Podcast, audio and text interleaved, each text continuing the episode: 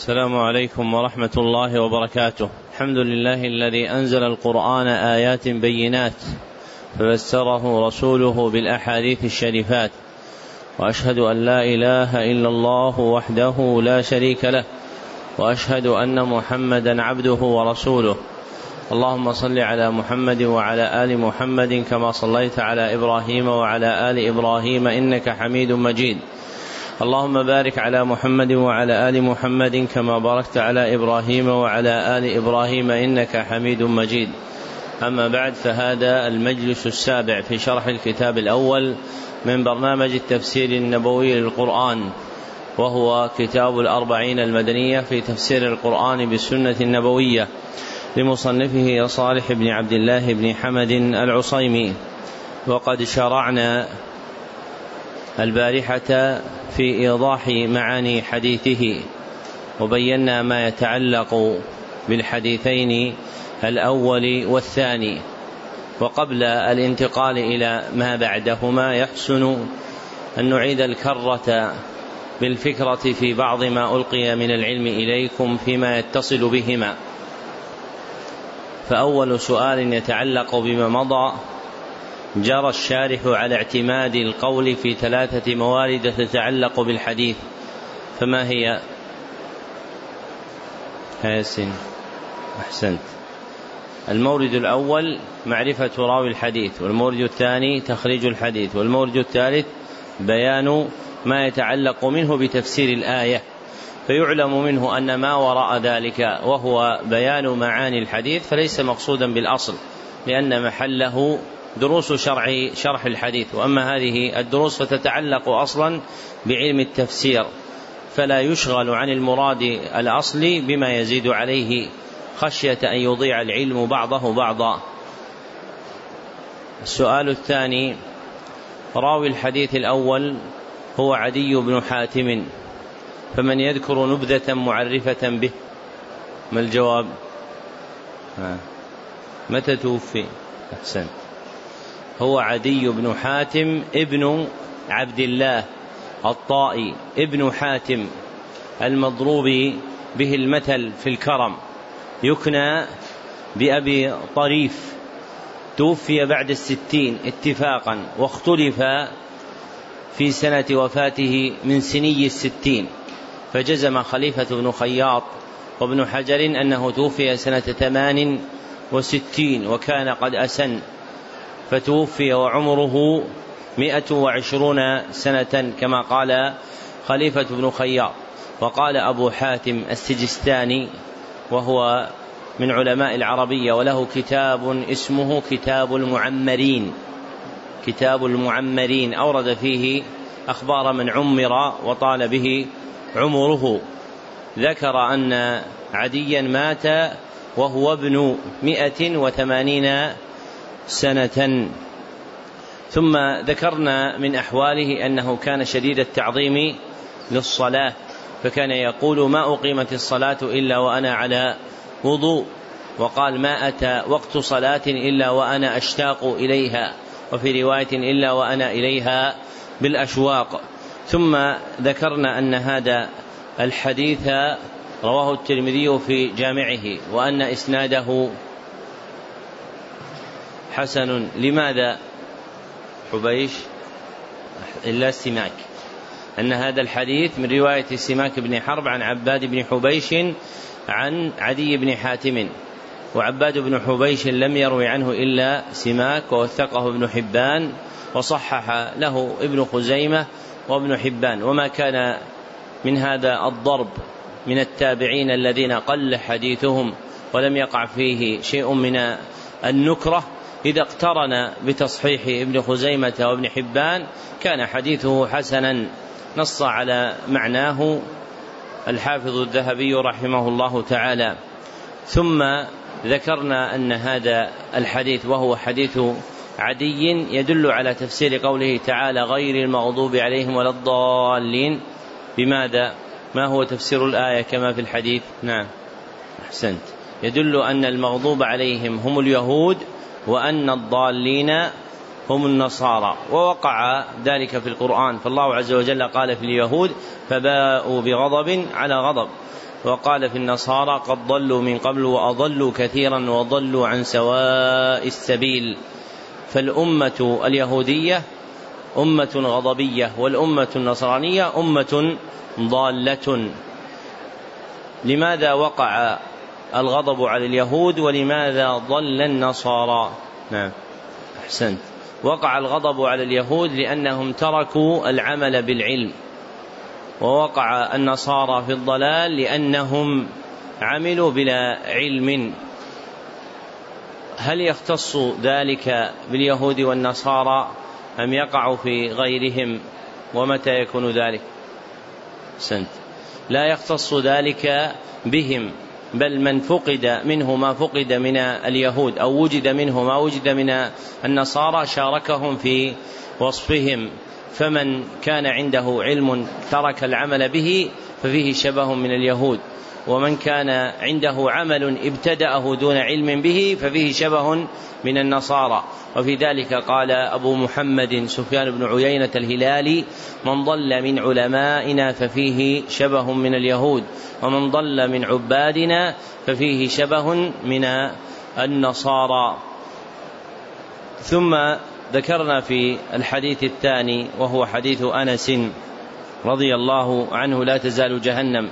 الحديث أن راوي الحديث من هو؟ يلقب بماذا؟ لا يلقب ليس يكنى. أحسن. أنه أنس ابن مالك ابن النضر الأنصاري الخزرجي خادم رسول الله صلى الله عليه وسلم. يكنى بأبي حمزة ويلقب ذا الأذنين. وهو آخر من مات من أصحاب النبي صلى الله عليه وسلم في البصرة.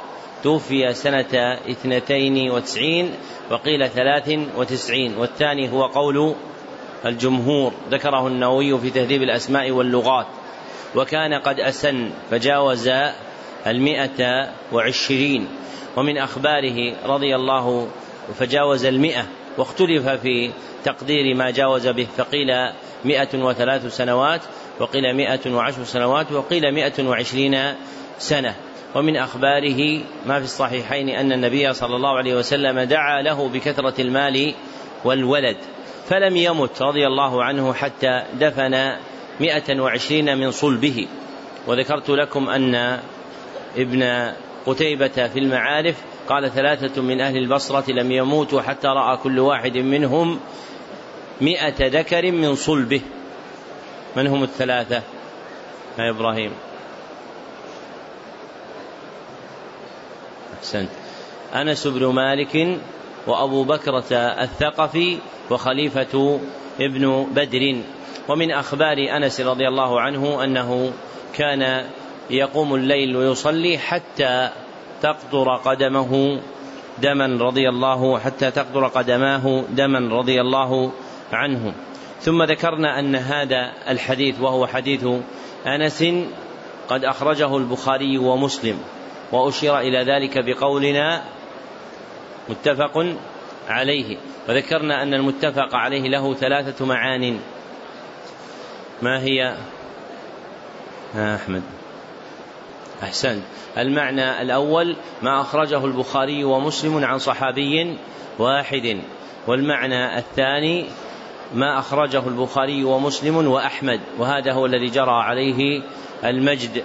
أبو البركات ابن تيمية الجد في كتاب المنتقى لأنه حنبلي فقارن إمامه بالبخاري ومسلم في المتفق عليه. والمعنى الثالث أنه صحيح اتفاقا على أصول وقواعد أهل الحديث وهذا يوجد في كلام أبي نعيم الأصبهاني وابن مندى رحمهم الله تعالى.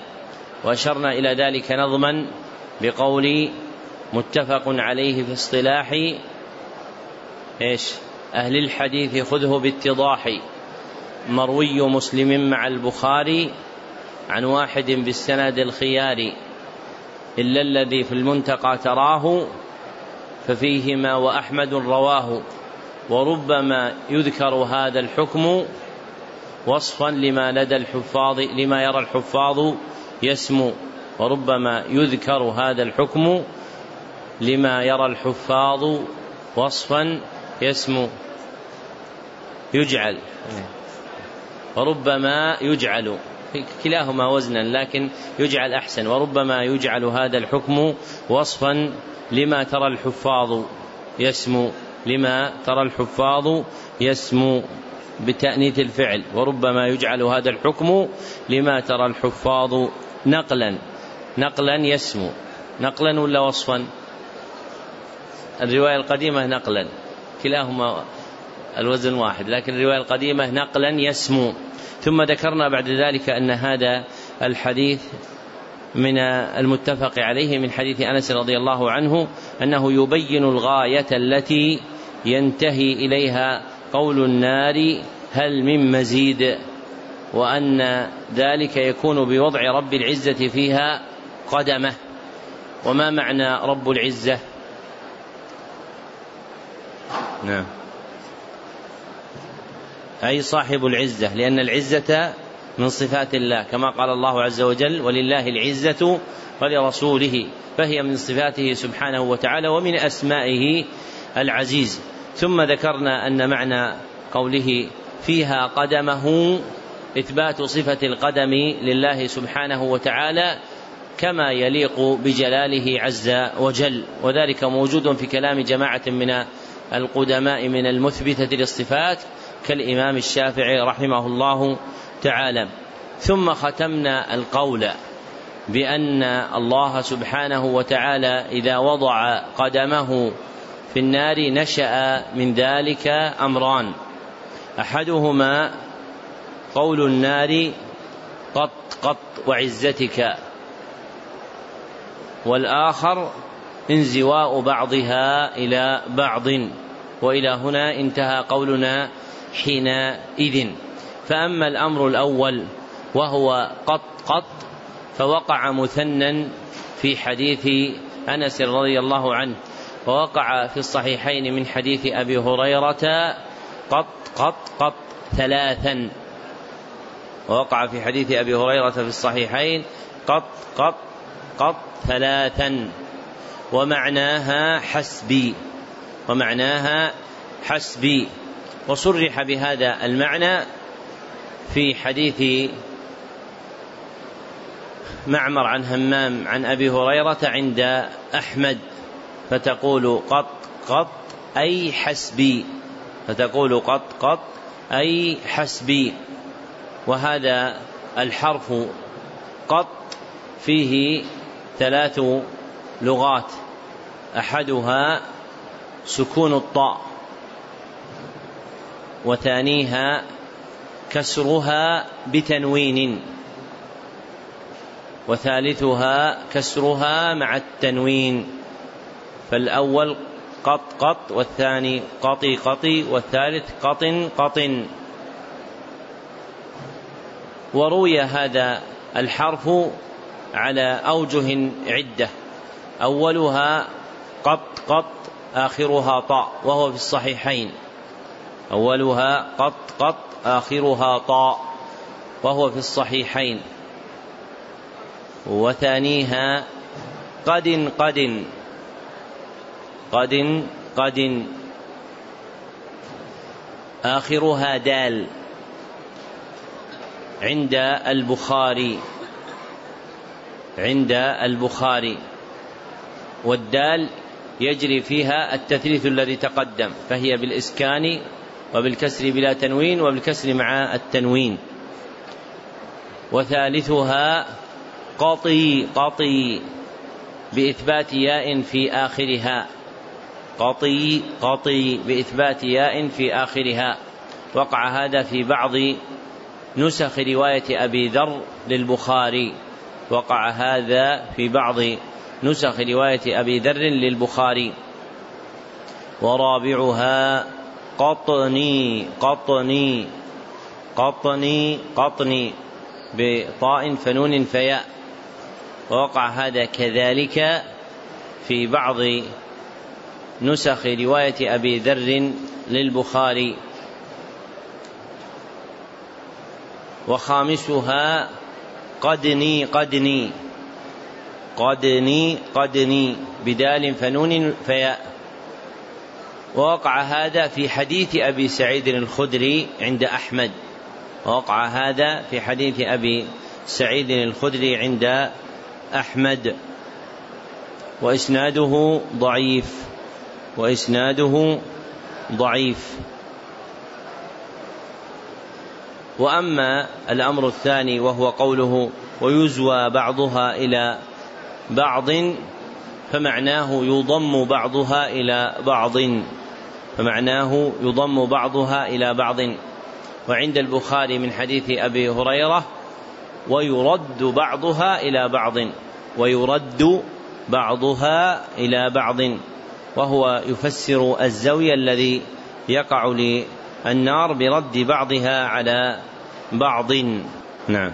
الحمد لله رب العالمين والصلاة والسلام على ختام الأنبياء وأشرف المرسلين نبينا محمد عليه وعلى آله أفضل الصلاة وأتم التسليم. اللهم اغفر لنا ولشيخنا وللحاضرين ولجميع المسلمين. قلتم أحسن الله إليكم في كتاب الأربعين المدنية في تفسير القرآن بالسنة النبوية الحديث الثالث في تفسير قوله تعالى ومن الليل فسبحه وأدبار السجود عن عبد الله بن عمرو رضي الله عنهما عن النبي صلى الله عليه وسلم أنه قال خصلتان أو خلتان لا يحافظ عليهما عبد مسلم إلا دخل الجنة هما يسير ومن يعمل بهما قليل. يسبح في دبر كل صلاة عشرا ويحمد عشرا ويكبر عشرا. فذلك خمسون ومائة باللسان وألف وخمسمائة في الميزان. ويكبر أربعا وثلاثين إذا أخذ مضجعه. ويحمد ثلاثا وثلاثين ويسبح ثلاثا وثلاثين. فذلك مائة باللسان. فذلك مائة باللسان وألف في الميزان. فلقد رأيت رسول الله صلى الله عليه وسلم يعقدها بيده. قالوا يا رسول الله كيف هما يسير ومن يعمل بهما قليل؟ قال يأتي أحدكم يعني الشيطان في منامه فينومه قبل أن يقول قبل أن يقوله ويأتي في صلاته فيذكره حاجة قبل أن يقولها. رواه الأربعة واللفظ لأبي داود. وقال الترمذي حديث حسن صحيح. موارد القول في هذا الحديث ثلاثة. فالمورد الأول معرفة راوي الحديث وهو عبد الله ابن عمرو ابن العاصي القرشي السهمي. يكنى بأبي محمد يكنى بأبي محمد. توفي ليالي الحرة سنة ثلاث وستين في أعدل الأقوال وهو قول الإمام أحمد. توفي ليالي الحرة سنة ثلاث وستين في أعدل الأقوال وهو قول الإمام أحمد. وله من العمر ثلاث وسبعون سنة. ودفن بالشام وقيل بغيرها. ودفن بالشام وقيل بغيرها. كان مشهورا بالعبادة رضي الله عنه ومن أخباره أنه كان يغلق بابه. على نفسه فيبكي بكاء عظيما حتى رمصت عيناه من بكائه أي أصابها الرمس وهو سائل يثقل يخرج من العين لعلة فيضعف رؤيتها. ومن أخباره رضي الله عنه أنه مر يوما في المقبره فنظر إليها. فنزل ثم صلى ركعتين فقال له بعض أصحابه يا أبا محمد إنك فعلت شيئا لم تكن تفعله. فقال إني ذكرت أهل القبور وما حيل بينهم وبينه فأحببت أن أصلي لله ركعتين. يعني أن أهل القبور في قبورهم من صالح أو مسيء يتمنون لو أعيدوا إلى الدنيا فيعملوا صالحا فأما الصالح فليزداد من الخير وأما المسيء فليحسن عمله بعد إساءته. والمورد الثاني تخريج الحديث هذا الحديث أخرجه أبو داود في سننه. قال حدثنا حفص بن عمر قال حدثنا شعبة قال حدثنا عطاء بن السائب عن أبيه عن عبد الله بن عمرو رضي الله عنهما فذكره بهذا اللفظ المثبت في الكتاب ورواه النسائي والترمذي ورواه الترمذي والنسائي وابن ماجه كلهم من حديث عطاء بن السائب عن أبيه عن عبد الله بن عمرو فمدار هذا الحديث على رواية عطاء بن السائب عن أبيه عن عبد الله بن عمرو بن العاص رضي الله عنهما. وهذا إسناد صحيح. رجاله ثقات. وإنما يتخوف من عطاء أن يكون حدث بهذا الحديث في اختلاطه فإنه تغير واختلط آخر عمره لكن المخوف منه مندفع بأن جماعة من القدامى من أصحابه الذين حدثوا عنه قبل الاختلاط رووا هذا الحديث عنه. منهم شعبة بن الحجاج وسفيان الثوري. فصح أن هذا الحديث من حديثه الذي أتقنه ولم يقع له فيه خطأ بعد تغيره واختلاطه آخر عمره رحمه الله تعالى. فإسناد هذا الحديث صحيح. ومن ثم قال الترمذي حديث حسن صحيح. وهذه القولة من الترمذي. كيفما حمل معناها عليه من الأقوال السبعة المشهورة في كتب مصطلح الحديث فإنها قول بثبوت هذا الحديث. فالترمذي رحمه الله تعالى إذا قال في حديث حديث حسن صحيح فهو يشير إلى ثبوته عنده. وهي أكثر الاصطلاحات التي استعملها في كتابه الجامع رحمه الله تعالى. وهذا التخريج الذي ذكرناه هو معنى قول المصنف رواه الأربعة. فإن الأربعة في الاصطلاح المستقر عند المحدثين هم أبو داود السجستاني إذا أخرجه أين؟ في سننه. وأبو عيسى الترمذي إذا أخرجه في جامعه. والنسائي إذا أخرجه في المجتبى من السنن المسندة المعروفة بالسنن الصغرى. وابن ماجه إذا أخرجه في سننه فإذا اجتمع هؤلاء بتخريج الحديث في كتبه المذكورة في كتبهم المذكورة قيل أخرجه الأربعة.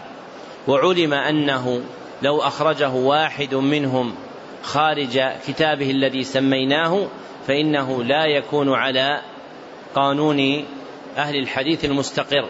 فلو قدر أن حديثا ما رواه النسائي في المجتبى والترمذي في الجامع وابن ماجه في السنن وأبو داود في كتاب الزهد. فهل يقال فيه رواه الأربعة أم لا يقال؟ لا يقال. لماذا؟ لأن شرط العزو إلى أبي داود أن يكون في سننه. ثم قال المصنف واللفظ لأبي داود يعني أن اللفظ المذكور هو لفظ أبي داود وإنما قدم لفظ أبي داود لأنه هو الأتم لأنه هو الأتم وأشرت إلى ذلك بقولي عند اختيار اللفظ قدم الأتم وإن يكن مضعفا فالطرح أم عند اختيار اللفظ قدم الأتم فإن فإن يكن مضعفا فالطرح أم. أم يعني اقصد. فالأصل تقديم اللفظ الأتم. إلا أن يكون ذلك اللفظ إلا أن يكون ذلك اللفظ مضعفا فإنه عند ذلك يطرح ولا يؤبه به. والمورد الثالث الثالث بيان ما يتعلق منه بتفسير الآية. وهي قوله تعالى ومن الليل فسبحه وأدبار السجود فإن الآية تتضمن الأمر بتسبيح الله سبحانه وتعالى في الليل وفي أدبار السجود. والمراد بالسجود الصلاة. وأدبار الصلاة جمع دبر. ودبر الصلاة نوعان. أحدهما آخرها المتصل بها قبل السلام. آخرها المتصل بها قبل السلام. والثاني لاحقها التابع لها الواقع بعد السلام. لاحقها التابع لها الواقع بعد السلام. ففي الأحاديث النبوية جرى تسمية هذا وهذا بدبر الصلاة. فيكون هذا اللفظ دبر الصلاة صالحا للمعنيين. ويفسر بما يقع من الفعل النبوي فيه كما سيأتي في هذا الموضع. وفي الحديث ذكر شيء من التسبيح المأمور به في الليل وذكر شيء من التسبيح المأمور به في أدبار الصلوات. فأما الذكر المأمور فأما التسبيح المأمور به في الليل ففي قوله صلى الله عليه وسلم ويكبر أربعا وثلاثين إذا أخذ مضجعه ويحمد ثلاثا وثلاثين ويسبح ثلاثا وثلاثين. والمضجع اسم للموضع الذي يأوي إليه النائم ليلا والمضجع اسم للموضع الذي يأوي إليه النائم ليلا فيختص بذلك. ففيه الأمر بتسبيح الله عز وجل ثلاثا وثلاثين وتحميده ثلاثا وثلاثين وتكبيره أربعا وثلاثين. إذا أخذ مضجعه ووقع في حديث الحكم بن عتيبة عن عبد الرحمن بن أبي ليلى عن علي رضي الله عنه في قصته هو وفاطمة في سؤال النبي صلى الله عليه وسلم خادما أنه قال لهما ألا أدلكما على خير لكما من خادم؟ إذا أخذتما مضجعكما أو قال أويتما إلى مضجعكما فكبرا أربعا وثلاثين وسبحا ثلاثا وثلاثين واحمد ثلاثا وثلاثين فهن خير لكم من خادم. قال أبو العباس ابن تيمية الحفيد من استعمل هذا الذكر إذا نام لم يلحقه تعب في يومه وكان نشيطا.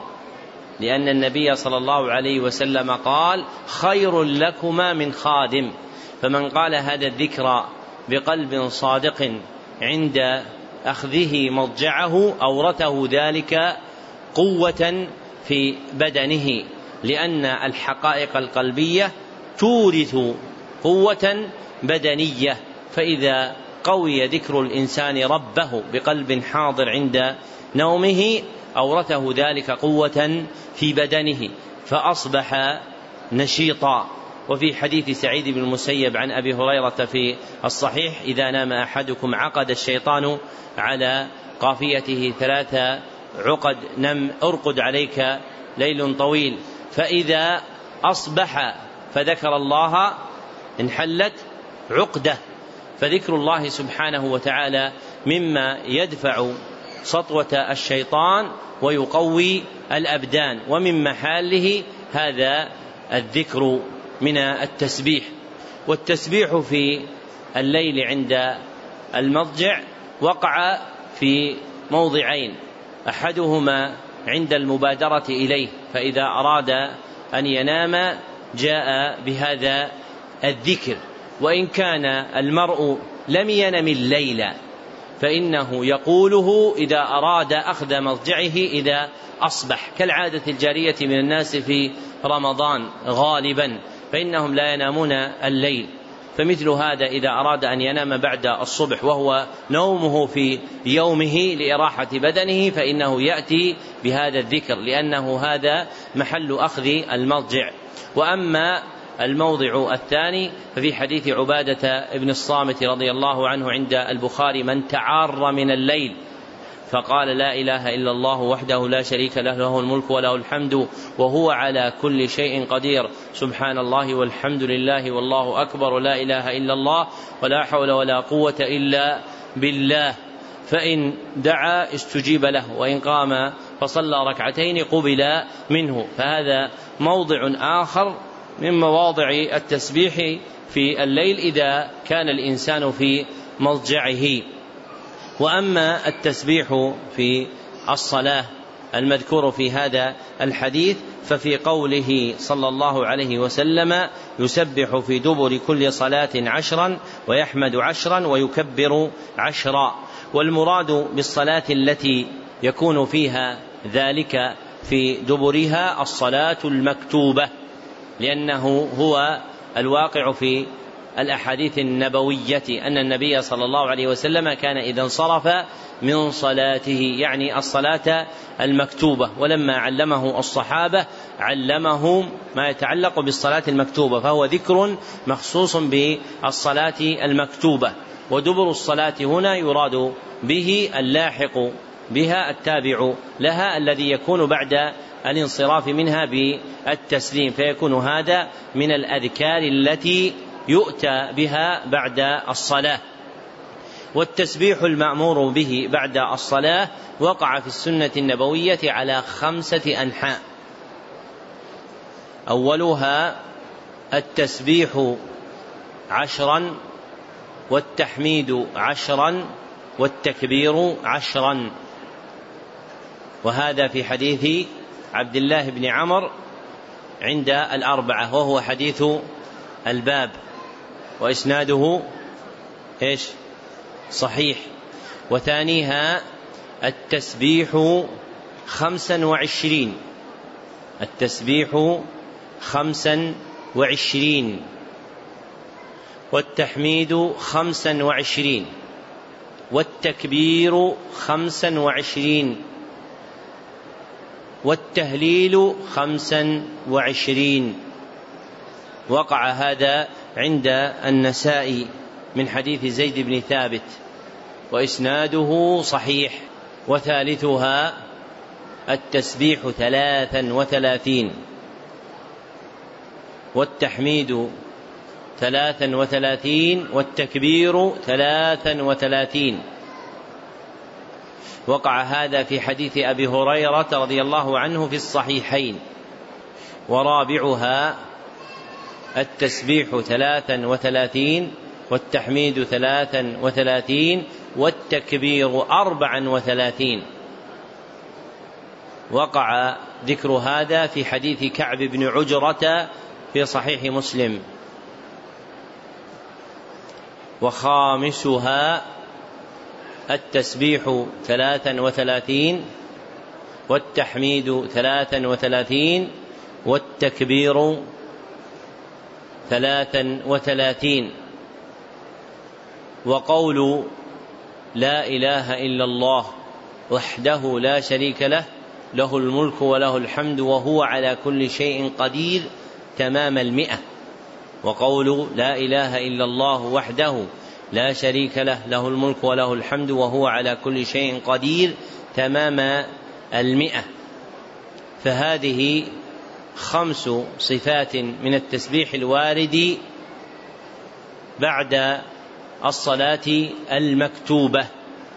واختلف العلماء في السنن المتعددة في موضع واحد هل يجمع بينها أم يؤتى بواحد منها والصحيح أن ما تعدد في موضع واحد فإن العبد يأتي بواحد من تلك الأنواع فإن العبد يأتي بواحد من تلك الأنواع وينوع بينها ليصيب عمل السنة كلها وينوع بينها ليصيب عمل السنة كلها فمرة يسبح ويحمد ويكبر عشرا ومرة يسبح ويحمد ويكبر خمسا وعشرين ويزيد التهليل لا إله إلا الله وهلم جرا.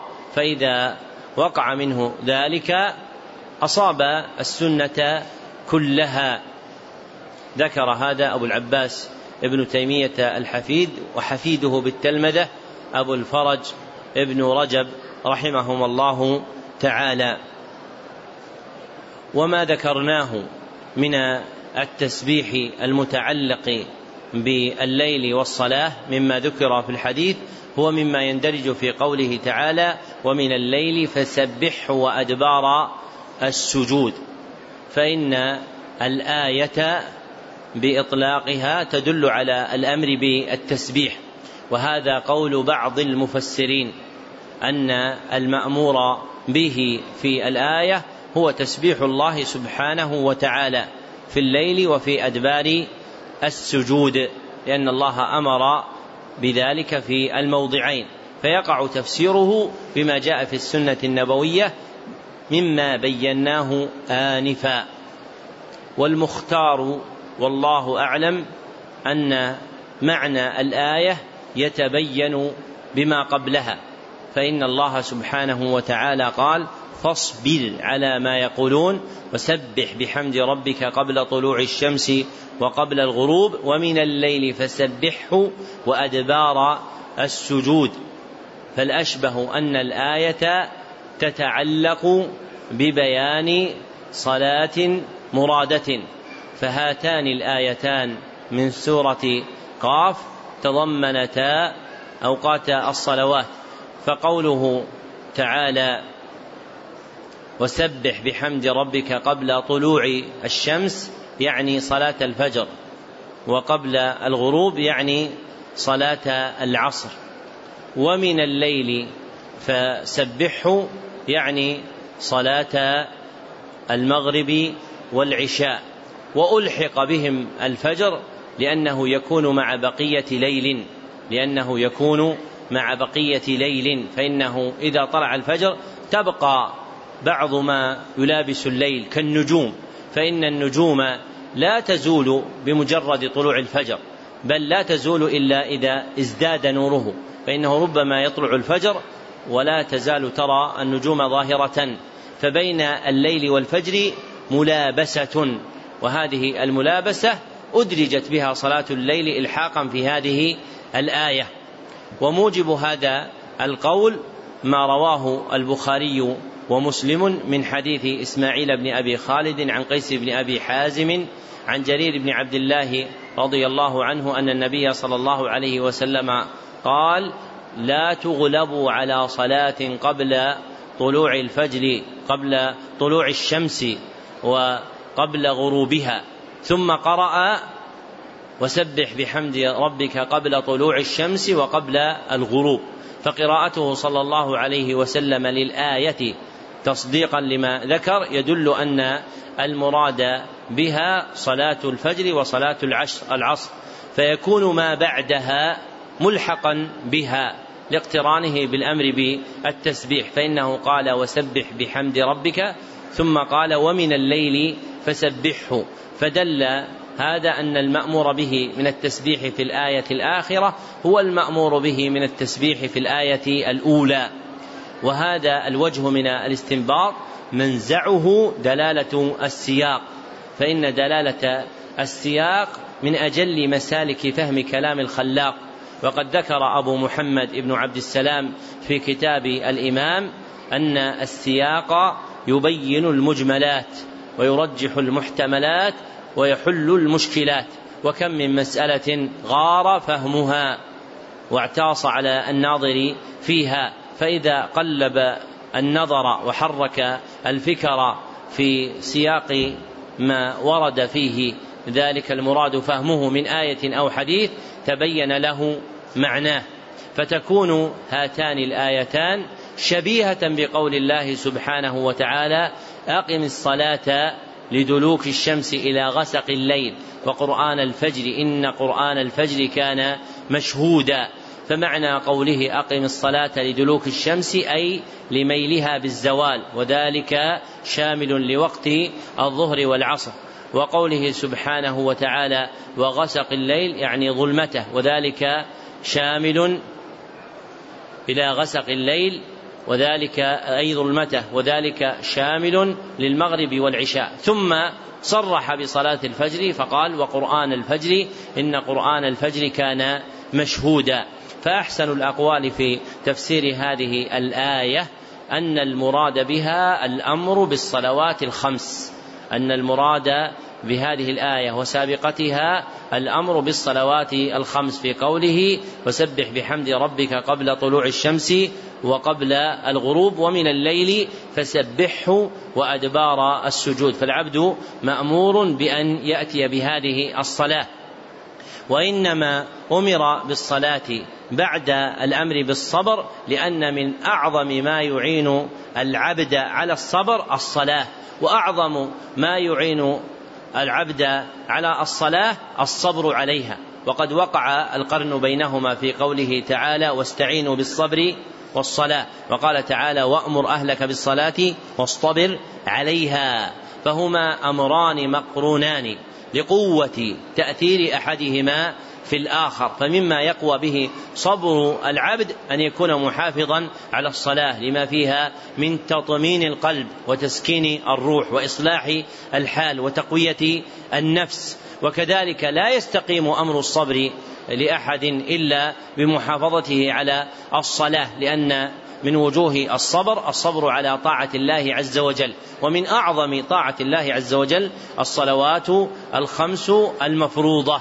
فذلك المراد بهاتين الآيتين. وإذا كان المراد بهاتين الآيتين هو الأمر بالتسبيح لله بأداء الصلاة فإن ما وراء ذلك من التسبيح يندرج فيها لأنه من باب اللازم للصلاة فإن الصلاة تشتمل على التسبيح فإن الصلاة تشتمل على التسبيح فكل ما يتعلق بالتسبيح يكون مأمورا به لكن الفرق بين الأمرين أن الأمر بالصلوات الخمس هو أمر فرض وأما الأمر بما وراء ذلك من التسبيح كالأذكار التي ذكرنا فالأمر به أمر نفل فيستحب للإنسان أن يذكر الله سبحانه وتعالى بما ذكرناه من الأذكار الموظفة في الشرع بعد الصلوات وبعد وفي الليل إذا أخذ الإنسان مضجعه أو تعار منه من الليل. وهذا آخر البيان على هذه الجملة. ونستكمل إن شاء الله تعالى غدا بقية الكتاب في الحديث الرابع. والحمد لله رب العالمين وصلى الله وسلم على عبده ورسوله محمد وآله وصحبه أجمعين.